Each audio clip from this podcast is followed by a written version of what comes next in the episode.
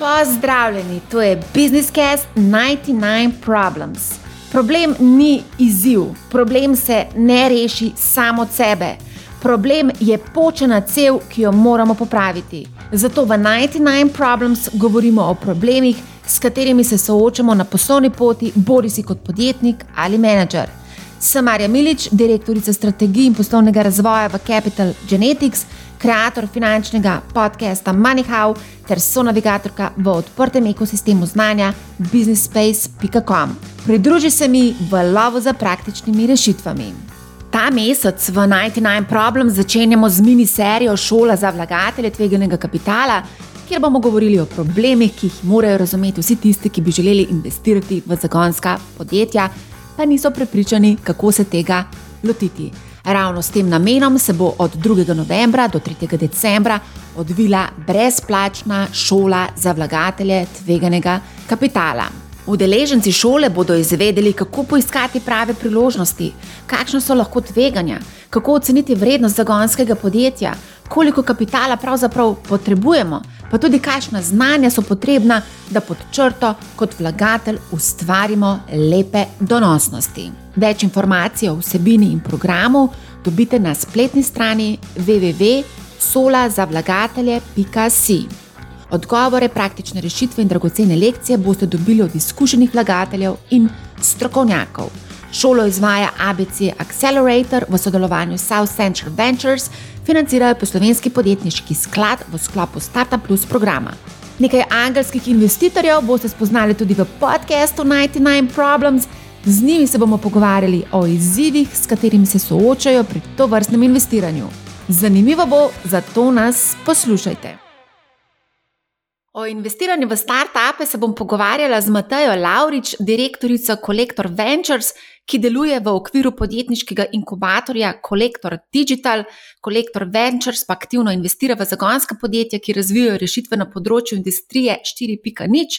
Vse skupaj pa deluje v okviru koncerna Collector, ki ga večina pozna kot globalnega ponudnika komutatorjev iz Idrije. Lepo pozdravljeni. Ja, lepo zdrav. Kako ste?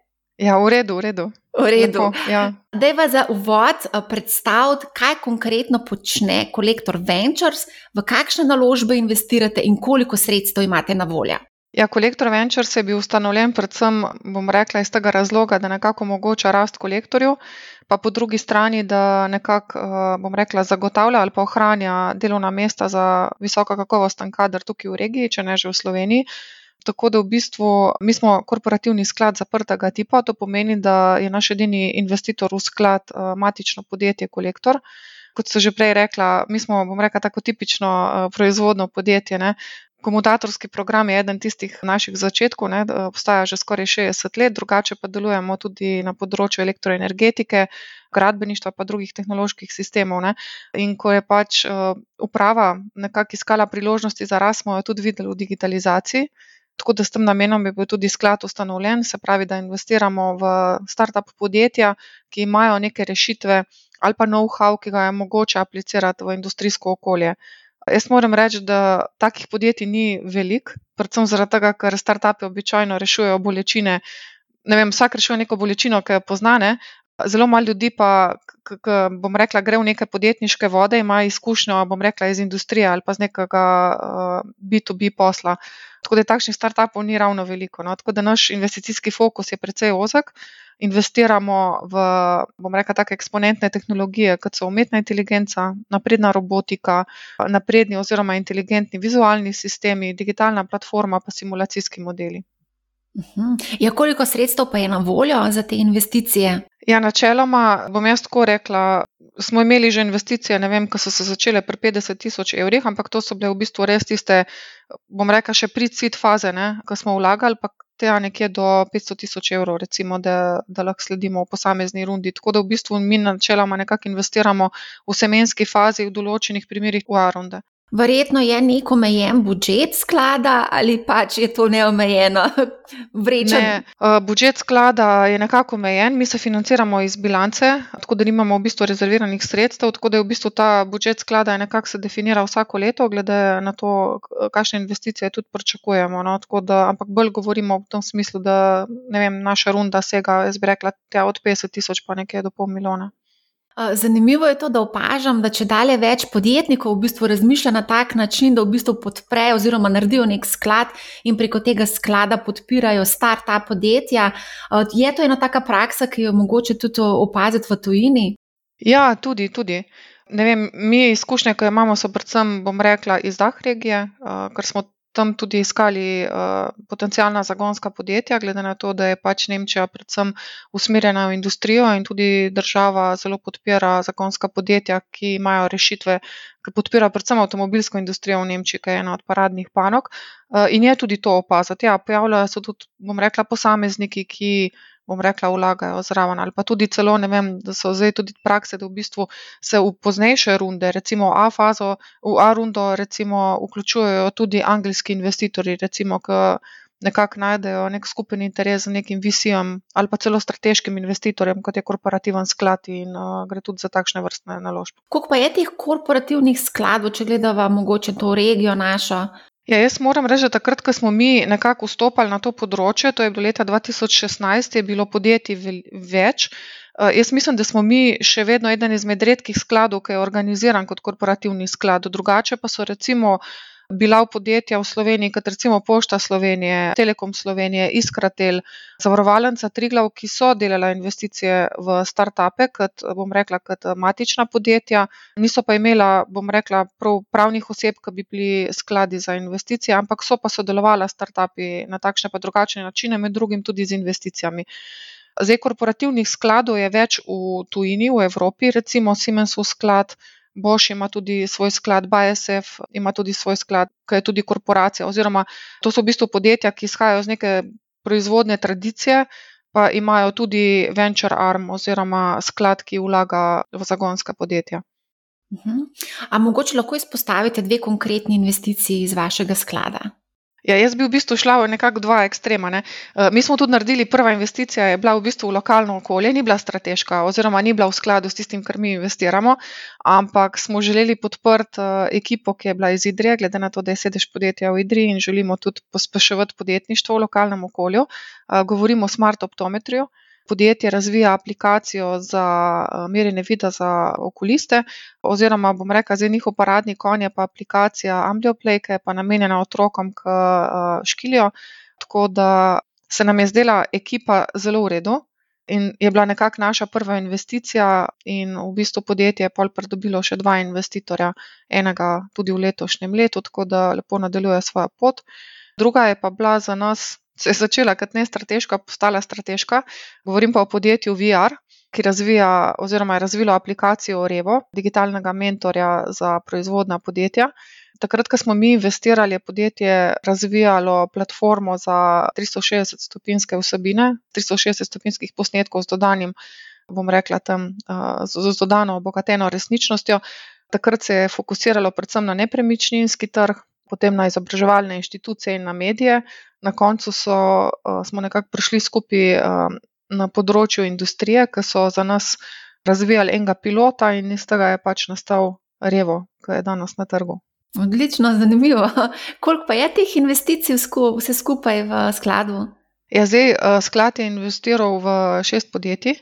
Tako da v bistvu tako ali pa drugače sodelujemo s šestimi investicijami. Moram pa reči, da v bistvu v, zadnjih, v zadnjem letu, pa pol oziroma dveh letih, nekako nismo najdeli ne take primerne ekipe, v katero bi želeli pač eh, investirati, pa tudi zaradi gospodarske situacije, pa korona situacije, smo se nekako bolj ukvarjali s podporo eh, startupom v portfelju.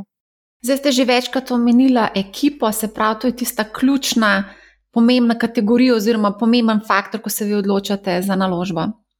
Ja, tako je. Mislim, vse so pomembne tudi druge stvari, no? ampak jaz svojega mnenja nisem spremenila od začetka. Ne? Pomemben je seveda tudi izdelek, ampak kot smo videli, recimo na primeru VR-ja, je podjetje pivotiralo večkrat, ne samo enkrat. Ne? Je s tistim know-howom, ki ga ima, pač poskušalo prodreti na, na primeren trg z ustreznim produktom, je tudi večkrat produkt spremenilo. Tako da produkt se da spremeniti, ne? ker dejansko delaš validacijo tehnično, pa validacijo trga cel cajt. Tako da, če pač nekaj ne gre, spremeniš smer ali pa spremeniš produkt, če imaš neke določene kompetence. Tako da v bistvu jaz mislim, da je ekipa tista, ki je bistvena, recimo, vsaj za nas, ki se odločamo. Tudi potencial trga, seveda. Se pa če trg ne obstaja, pol ti tudi ekipa nič ne pomaga. Ne? Ampak jaz bi rekla, da ljudje, ki vodijo startup, ki so founderji, so izrednega pomena ker ne vem, ko so ustanovili nek startup, običajno gre to za mlajše ljudje, ljudi, ne, ki imajo neka pričakovanja, željo, da bodo pač spremenili svet ali pa vsaj en del posla ali pa pomagali nekomu. In tekom let, ko ta startup raste, recimo, gre skozi celo fazo nekih usponov, pa pacev. Ne. Tudi njihova življenjska situacija se spremeni, recimo, vem, dobijo družine, otroke, um, tudi finančne obveznosti, bi temu rekla, in imajo tudi mogoče drugačen pogled na podjetje. In v bistvu je treba vse te interese v ekipi usklajevati, oziroma morajo biti sami sposobni usklajevati, delovati tako, kot so delovali na začetku. In če so sposobni pač. Delovati kot ekipa in preživeti vse te uspone in pace, imajo zelo velike možnosti za uspeh. Ker, če se jaz ne motim, tudi eden izmed, eh, bom rekla, top pet razlogov, zakaj startupi ne preživijo, so tudi ti, da pač founderji ne najdejo nekega skupnega jezika. Ne. Ja, koliko časa si pa vzamete, da spoznate ekipo? Ja, v bistvu ekipo nekako spoznavamo, predvsem skozi celoten proces pogovora o investiciji. Jaz mislim, da se mrskaj v teh pogovorih tudi razkrije, še posebej, ko uh, se pogovarjaš o pogojih investiranja. Tako da imamo tako različne primere. Ne. Mislim, pr, najhitrejšo investicijo smo v štirih tednih izvedli. Ne. Ena najdaljših pogajanj so pa trajala tudi devet mesecev in v tem cajtu v bistvu si več čas v stiku z, z ustanovitelji in jih tudi spoznavaš. Jaz tako bom rekel, nimamo prav ne vem, nekega programa, ki bi mi, founderje, spoznavali, ker vem, da recimo določeni startupi, ki so v tujini, ključne člane ekipe vem, povabijo vem, na kakšno športno aktivnost, ki tam mrzkaj pride na dan, ali pa v kakšno situacijo, recimo, ki je malo bolj stresna. Potem vidiš, kako človek odreagira. Mi takih stvari, bom rekla, ne izvajamo. Vem pa, da recimo tudi v tujini se to dela, da mal daš ekipo pod stres test, pa vidiš, kaj potem nastane. Uh, jaz mislim, da celoten pogovor o sami investiciji je precej intenziven, ker moraš usklajevati interese uh, med bom rekla, startupom in investitorjem na eni strani, in potem tudi vidiš, kakšna je dinamika, recimo v sami ekipi, eh, sami founderji. Mislim pa, da bi mogoče, glede na to, da jaz govorim o tem, da je pač ekipa pomembnejša, bi mogli mogoče malo več časa tudi posvetiti, da bi dejansko videli, kako ljudje funkcionirajo v, v realnem okolju, ker mogoče to pride bolj na dan, takrat, ko je že investicija izvedena. Še posebej pa takrat, ko podjetje rabi naslednjo rundo, ko začne sredstvo zmanjkovati potem vidiš, pač, kakšno je tudi razmišljanje o podjetju, oziroma kako se soočajo, bom rekla, s temi stresnimi trenutki, ki je potrebno pač spet iskati sredstva za nadaljno rast. Ne. To je zdaj mogoče tako čudno vprašanje, ki me prav zanima. No, tudi upravite kakšne psihološke teste, tako kot recimo, Zaenkrat, če ne. A tako kot pri kakšnih zaposlitvah, ne, ne. ne, nikoli nismo še, ne, moram reči, da ne. Ja. Ja, um, podjetniki znajo biti kar precej muhasti. V kakšnih odnosih ste z podjetniki, potem, ko se zgodi ta investicija? Pa jaz ne vem, če bi rekla, da so ravno muhasti. Jaz pač razumem, da ljudje, ki grejo v podjetništvo, so mal drugačni kot recimo ljudje, ki delajo uh, v korporacijah ali pa bom rekla v stabilnih podjetjih. Ne. Ih žene neki drugega, uh, bom, uh, bom rekla, to podjetništvo živi na krilih neke strasti. Uh, ker če pač ti kot podjetnik nisi strasten, če, če nimaš te uh, vizije, recimo, pa ustrajnosti, pa te prodornosti, enostavno pač verjetno ne moreš biti podjetnik. Ne? Jaz to dojemam kot neke pozitivne lastnosti, ker brez tega firma pač ne more biti uspešna. Tako da, mislim, naše sodelovanje, bom rekla, z njimi, ja, vse vrste, bom rekla, situacij imamo. No. Načeloma, jaz zelo zagovarjam to, da uh, ko pač enkrat investitor vstopi v podjetje, se morajo pač vsi obnašati kot profesionalci. Ne? Dobiš od nekoga neka sredstva in s tem tudi pričakovanja investitorja po neki donosnosti oziroma po uspešnem exitu, potem ni prostora, bom rekel, za čustvene reakcije, recimo na tem poslovnem odnosu. Se tudi, recimo, vem, če pogledam, če nek startup dela s kupci, se tam čustveno ne obnaša, ampak se obnaša kot profesionalc, ker drugače pač prodaje ne bo realiziral. Ne? In enako velja tudi pač za vse poslovne partnerje, ki vstopajo v podjetje, pač nek profesionalizem mora biti. Zelo pa cenim to strast, pa bom rekel čustven pristop do, do podjetja, ker bom rekel vsaj v tej začetni fazi, dokler podjetje ne začne skalirati, pa potrebuje recimo neko profesionalno menedžersko ekipo, je, je to tisti glavni driver, uh, ki startupe poganja naprej. Ne? Omenili ste donosnosti, kakšne so vaše pričakovanja, kaj pričakujete od naložb? Ja, v bistvu mi nismo nek klasičen uh, finančni visi, ki pričakuje, ne vem, ob exitu, ne vem, desetkratnik vrednosti tistega, kar je bilo vloženega. Uh, še predvsem zaradi tega, ker vlagamo v zagonska podjetja, ki razvijajo rešitve, ki jih ponujajo industrijskim partnerjem. In cikli v B2B so daljši, ne? nekaj od 6 mesecev pa do 18 mesecev je prodajni cikl. Tako da ti donosi v zelo kratkem času, recimo, da bi delali exit, recimo po petih letih, je nerealno za pričakovati, ker v industrijskih startupih so, se exiti delajo na daljše okolje. Uh, pač ni tudi take skalacije uh, v obliki hokejske palce, kot na, uh, bom rekel, na drugih področjih. Če ne vem, govorimo o kakšnih startupih, ki delajo rešitve za končne potrošnike, uh, so pa to bolj stabilni posli, se pravi, pač manjša, bolj položna hokejska palca, pa v bistvu na daljši rok. Tako da tle donosi. Pričakovani niso, bom rekel, desetkratniki, še predvsem zaradi tega, ker sodelujemo s startupi, tudi zaradi razvoja nekih rešitev, ki jih pol skupaj ponujamo na trgu. Tako da poleg sam, samega finančnega exita ali pa ne vem, usmeritve, ne vem, po, nasled, rekel, po naslednjih finančnih rundah, je tukaj, po mojem, bolj bistvenega pomena, da pač ustvarjamo neke rešitve, ki jih lahko kolektor uporablja sam pri sebi, zato da izboljša svojo učinkovitost, pa da se to ponuja tudi bom rekel, zunanjim kupcem oziroma zunanjemu trgu. In tako se v bistvu tudi utrjuje odnose. tudi, tudi. Seveda, odnosi so tukaj, bom rekla, malce bolj drugačni, ker smo dejansko upleteni, bom rekla, kot razvojni partner tudi uh, pri razvoju določenih rešitev pri zakonskih podjetjih. Ja. Zdaj, večkrat ste že omenili exite, koliko pa je bilo teh exitov do zdaj? Uh, do zdaj nismo naredili še nobenega exita. Ja. Uh, v bistvu sklad je prve investicije naredil leta 2017, tako da zaenkrat o exitu še nismo govorili. Te rešitve, recimo, ki so se zdaj v portfeljskih startupih razvijale, šele prihajajo na trg. Kot sem rekla, tukaj so cikli mal daljši. V določenih primerjih imamo tudi hardverske produkte v kombinaciji s softverskimi, tako da v bistvu grejo zdaj iz faze pilotov proti produktivizaciji ali pa bomo rekla fazi industrializacije. Prej ste omenili pri podjetju VR uh, nov pilot oziroma prototip, ki so ga razvili. A ta prototip je nastal v sodelovanju z vami ali je to njihova pobuda? V bistvu je nastal v sodelovanju z nami, ker je uprava nekako želela, da pri strateških projektih kolektorja, recimo, ki uh, se nekako raztezajo prek celotnega koncerna in so mal širši, sodelujejo tudi startupi, v katere smo investirali, predvsem z tega vidika, da se, bom rekel, nek nov pogled v naša, recimo, bom rekel, neke projekte oziroma tudi neke nove tehnologije. Tako da rezultat, bom rekel, te pobude uprave uh, je bilo sodelovanje z VR-jem, ker smo mi želeli pač rešiti, bom rekel, težavo, ki smo imeli v proizvodnji, bi pa lahko uporabljali know-how, recimo, ki ga je imel VR. Tako da v bistvu so fanti so bili takrat v Ameriki, ker so bili še v pospeševalniku uh, v Svetlo. In so, bom rekel, čez poletje prišli domov na dopust, tako da tiskati so naredili pilota, so tudi uh, raziskali, kakšno je tržišče, uh, za, ta, za to rešitev in so ugotovili, da tukaj obstaja potencial, tako da se je potem razvoj revo aplikacije takrat uh, nadaljeval, bom rekla, tudi izven okvirov kolektorja. So pač tudi druge stranke, prve pilotne, prišle in se je v bistvu rešitev nadgrajevala, bom rekla, v kolektorju, pa še z drugimi kupci. To je tako zelo lep primer sodelovanja, ja. reševanja konkretne, konkretne težave. Ne? Ja, tako je. Um, a so kakšni zadržki strani podjetnikov, ko se pojavi pobuda z vaše strani, da bi vstopili v to podjetje? Mislim, ja, seveda so zadržki. Mislim, to izhaja tudi iz tega, da nismo klasični finančni investitor, da smo bolj upeti v dogajanje v podjetju.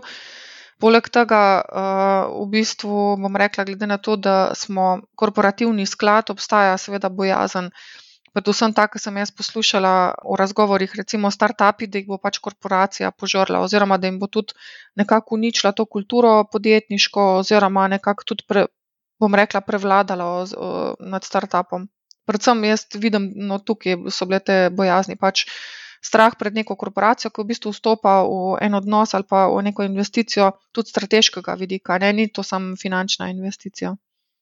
Ja, se ponavadi, ko, si, ko govorimo o korporacijah, vidimo neke dinozaure. Ne? Ja, ja.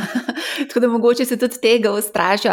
Um, kaj pa v bistvu podjetnik ima od tega, da vaš sklad investira v njegov startup?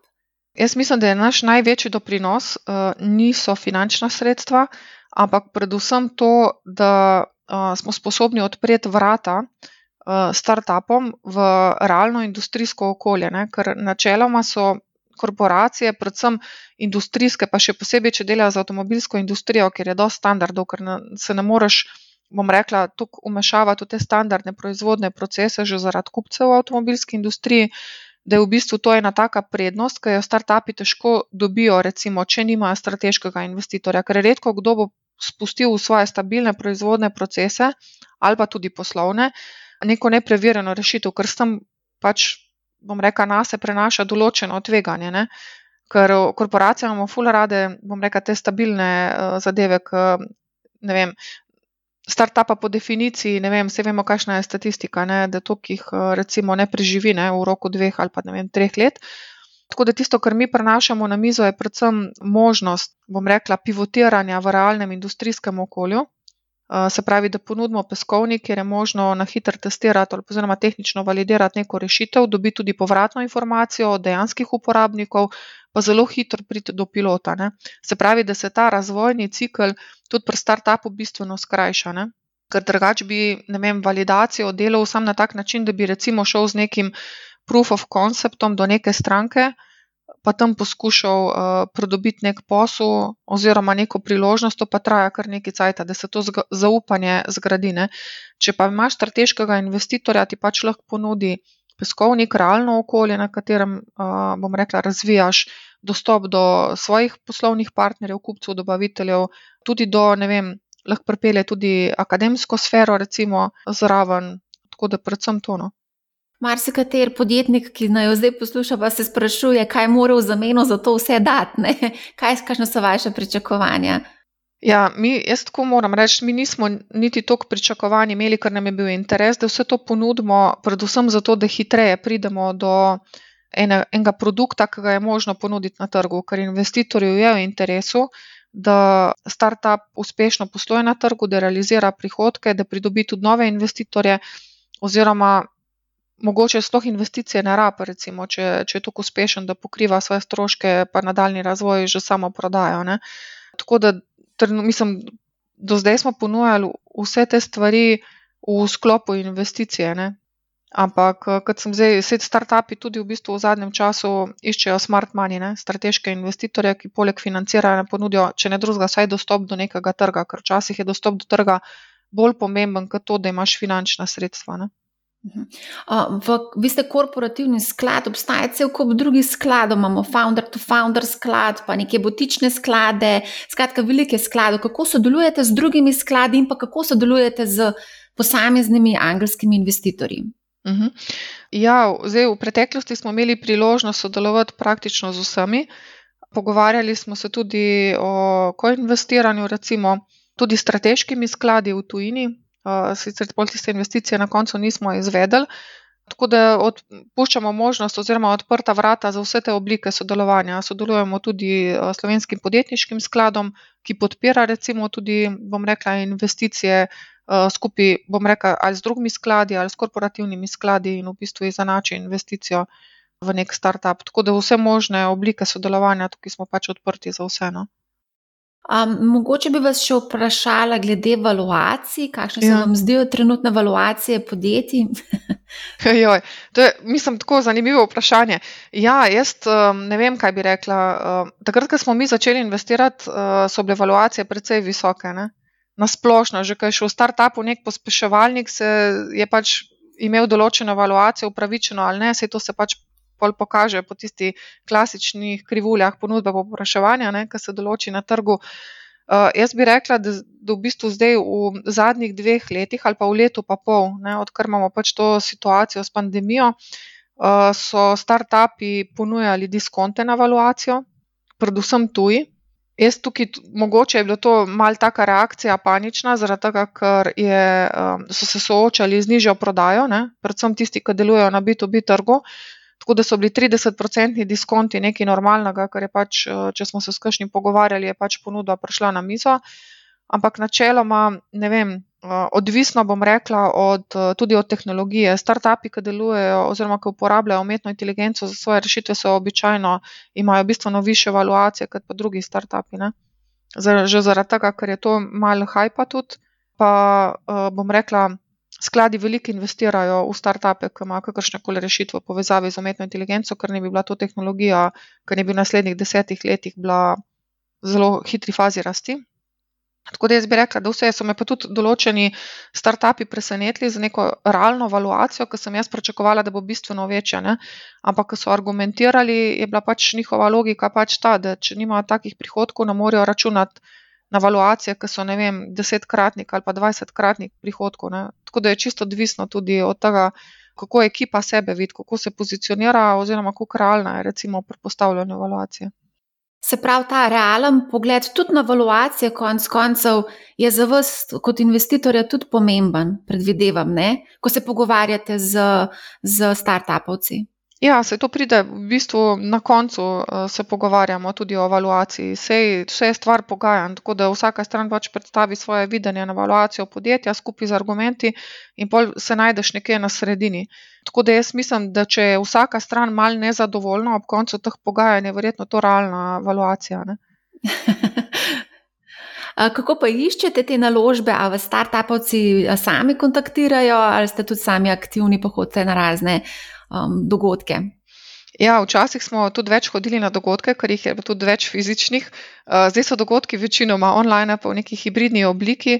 Tako da v bistvu sodelujemo predvsem z vsemi, um, bom rekla, inštitucijami, ki delujejo na področju start-up podjetij, to so pa pospeševalniki, inkubatori, uh, start-up inicijative v posameznih državah, uh, tehnološki parki. Se pravi, z vsemi prihajamo v stik, ki so v stiku s, s primernimi start-upi.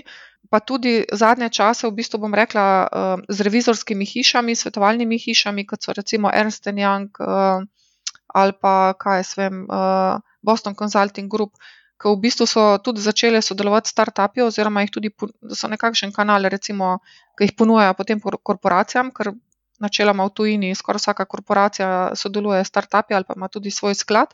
Tako da so tudi oni kanal. Eh, ali pa jaz bi tudi rekla, drugi visi, recimo, ki investirajo v določeno podjetje in iščejo potem še druge investitore, ki bi sledili tej rundi. Ne.